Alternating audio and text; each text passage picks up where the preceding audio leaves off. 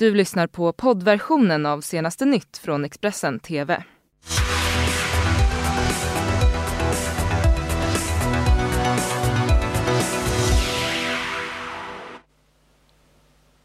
God morgon och välkommen till senaste nytt. Det här är våra rubriker.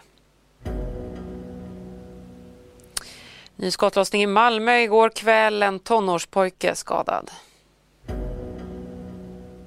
Bolivias president Evo Morales har flytt landet och fått asyl i Mexiko. Och bränderna i Australien växer. Vi har med oss svenska Felicia Amnefalk direkt ifrån Sydney. Men vi börjar inrikes. Eh, någonting har exploderat på en garageuppfart i ett bostadsområde i, i Sösdala i Hässleholms kommun. Och nationella bombskyddet är på plats. Ingen ska ha skadats i samband med händelsen. John Sjöblom, jourhavande förundersökningsledare, uppger för Kristianstadsbladet att det inte finns någon känd hotbild mot personerna som bor på adressen. Igår kväll inträffade ännu en skottlossning i Malmö.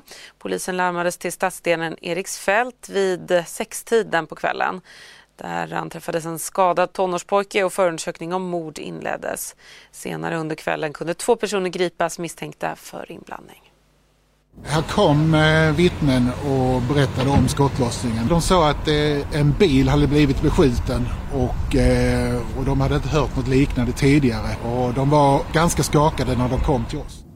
I lördags sköts 15-årige Jafar till döds. Hans vän skottskadades. En sprängladdning detonerade och en kvinna överfölls och misshandlades svårt med en planka i en busskur och inför ett Malmö skakat av helgens våld gick polisen på måndagen ut och förklarade att man utlyser en nationell särskild händelse. Operation Rimfrost, för att försöka sätta stopp på våldsspiralen. Men redan samma kväll var det dags igen. Vi får eh, flera samtal. Eh, 18 och 19 börjar de att trilla in till eh, polisen och då gäller det en skottlossning. Polis ryckte ut i stadsdelen Eriksfält i Malmö. Först anträffades en skottskadad bil. Sen hittades en skadad tonårspojke och en förundersökning om försök till mord inleddes. Vid 22-tiden kom beskedet att två personer gripits misstänkta för inblandning i händelsen. Sverigedemokraterna kommer att väcka misstroende för misstroendeomröstning mot justitieminister Morgan Johansson för hans hantering av gängvåldet. Både KD och Moderaterna ställer sig bakom initiativet.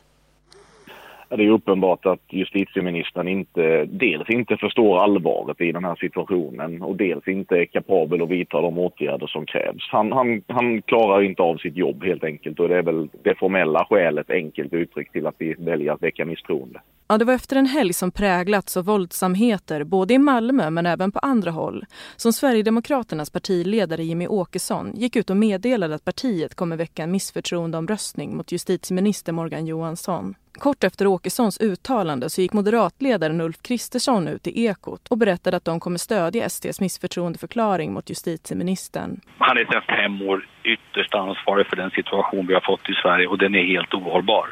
Antingen gör en minister sitt jobb eller så tar man konsekvenserna och avgår. Vi kommer att rösta för en misstroendeförklaring. Även Kristdemokraterna har meddelat att man kommer stödja missförtroendeförklaringen. Förstår du varför de vill väcka den här misstroendeförklaringen? Jag, jag tänker inte kommentera den överhuvudtaget, för som sagt var min arbetsdag fylls med annat. Men statsvetaren Jenny Madestam tror inte att misstroendet kommer att röstas igenom. Jag tror att det är blir svårt. Eh, för att eh, de här två mittenpartierna, då Centern och Liberalerna, eh, kommer nog inte gå med på det helt enkelt. I sånt fall, om man gör det, då är nog bedömningen att, att man sätter in en rejäl kil och eh, kanske till och med avslutar det här eh, januarisamarbetet som man har. Liberalernas gruppledare Johan Persson sa till Expressen att han är tveksam till att partiet kommer att stödja misstroendet. Och vänsterledaren Jonas Sjöstedt säger att deras parti inte kommer ställa sig bakom. Och inte heller Jimmy Åkesson tror att man kommer vinna omröstningen. Men han menar att det ändå finns en poäng att initiera den. Då är det viktigt menar jag att riksdagen ändå använder de möjligheter man har och de verktyg man har för att skicka viktiga signaler till regeringen. Och det här ska ju ses i första hand som en signal. Mm, och Morgan Johansson han kommenterar det hela på Facebook. I ett inlägg skriver han att det nu krävs citat, beslutsamhet och uthållighet från polisen och från övriga samhället. Men jag är övertygad om att det går att vända utvecklingen om vi alla hjälps åt. Slut citat. Så utrikes nu. Bolivias tidigare president eh, Evo Morales har lämnat landet efter att ha beviljats asyl i Mexiko. Bolivia har skakats av stora och våldsamma demonstrationer sedan valet i oktober då Morales anklagades för valfusk. Och demonstrationerna de fortsatte även igår då anhängare till Morales menar att han avsatts i en statskupp, något som tillbakavisas av oppositionen. Nu ska ett nytt val hållas i januari. De intensiva bränderna som härjar i Australien sprider sig allt närmare Sydney. Tre människor har dött, ytterligare saknas och tusentals har flytt sina hem. Brändernas omfattning har fått eh, allmänheten, politiker och forskare att titta närmare på kopplingen till klimatförändringarna. Och nu höjs kritiska röster som menar att Australiens premiärminister inte tar klimatfrågan på allvar. Igår utfärdades vad man kallar en katastrofal brandvarning i Sydney och ett stort område runt staden. Och nu har vi med oss eh, Felicia Amnefalk som bor i Sydney. Felicia, du befinner dig i centrala Sydney. Märks den här brandvarningen eh, av där? Ja, eh, för bara någon minut sen här så åkte det förbi ett flertal brandbilar i full fart. Eh, och det faktum att fler mindre bränder sker. För någon timme sedan var det en mindre gräsbrand här och nu är vi uppe i ungefär åtta i bara det här närområdet och de blir fler de som är runt omkring. Felicia, vad skriver australiensiska tidningar, vad rapporterar australiensisk TV när det kommer till de här omfattande bränderna som här hemma i Sverige beskrivs som att de är helt utom kontroll?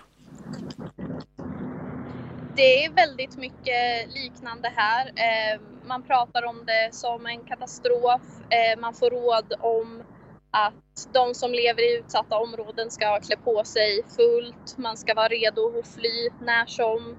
Eh, man ska packa allt det viktigaste och förbereda sina hem och allting. Så det är ungefär samma här, det är katastrof helt enkelt. Mm.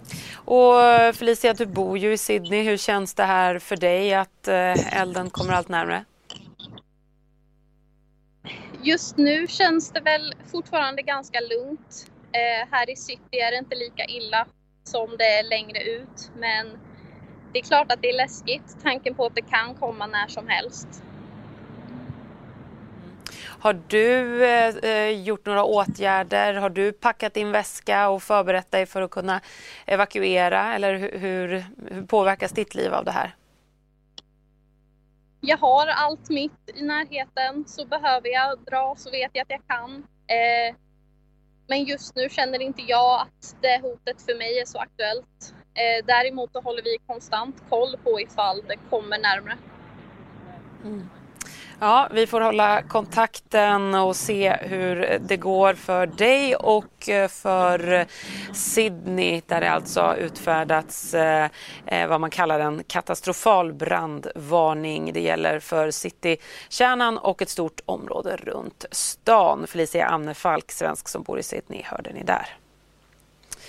Turkiet har börjat skicka tillbaka de IS-terrorister som befunnit sig i fångenskap till deras hemländer. Det finns ingen kännedom om att några svenska medborgare skulle vara på väg tillbaka. Men enligt Jonas Trolle som är chef för Center för våldsbejakande extremism är beredskapen stor om så blir fallet.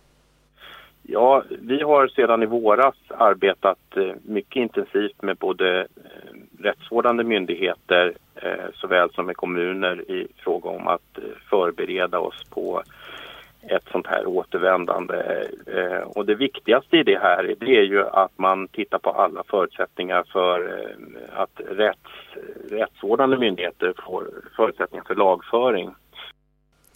Så byter vi ämne helt här i sändningen. Det ska bli sport. Victor Nilsson Lindelöf tilldelades Guldbollen för andra året i rad igår kväll och Caroline Seger tilldelades Diamantbollen för andra gången i sin karriär.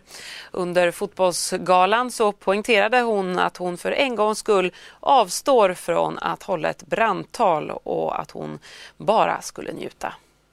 Ja, alltså ni som har varit med här nu ett x antal år har ju varit med om lika mycket som jag. Eh, både på plan och utanför plan där man har fått stå upp, tycka till om saker. Eh, många gånger kanske mer än vad man har fått lov och eh, vara bara fotbollsspelare.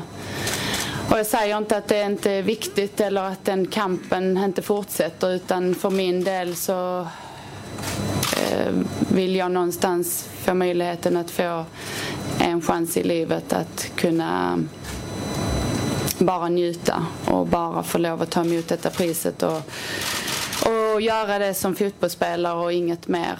Um... Fått det här, det här priset två år i rad, det betyder väldigt mycket och uh, ja, bara oerhört stolt och tacksam helt enkelt. Att just försvara titeln, betyder det något extra? Jag tror att det är väldigt roligt. Det betyder att man återigen har gjort någonting, gjort någonting bra och att folk har tyckt om det. Så att, eh, ja, jag vet inte riktigt, det är svårt att, svårt att förklara men jag är väldigt, väldigt stolt och tacksam. Vad betyder det att ta med framåt? Vad sa du? Vad betyder det att ta med framåt? Det är bara ännu mer, ännu mer hårt arbete. Jag har fått två stycken och förhoppningsvis har jag många år kvar på min karriär och kanske kan plocka hem någon till. Det hade varit eh, väldigt roligt att, att få, få göra det. Så att det är bara ännu mer energi och eh, ja, vilja utvecklas ännu mer och eh, bli bättre. Mm, och med det så tar vi en kort paus här från studion. Jag är strax tillbaka med fler.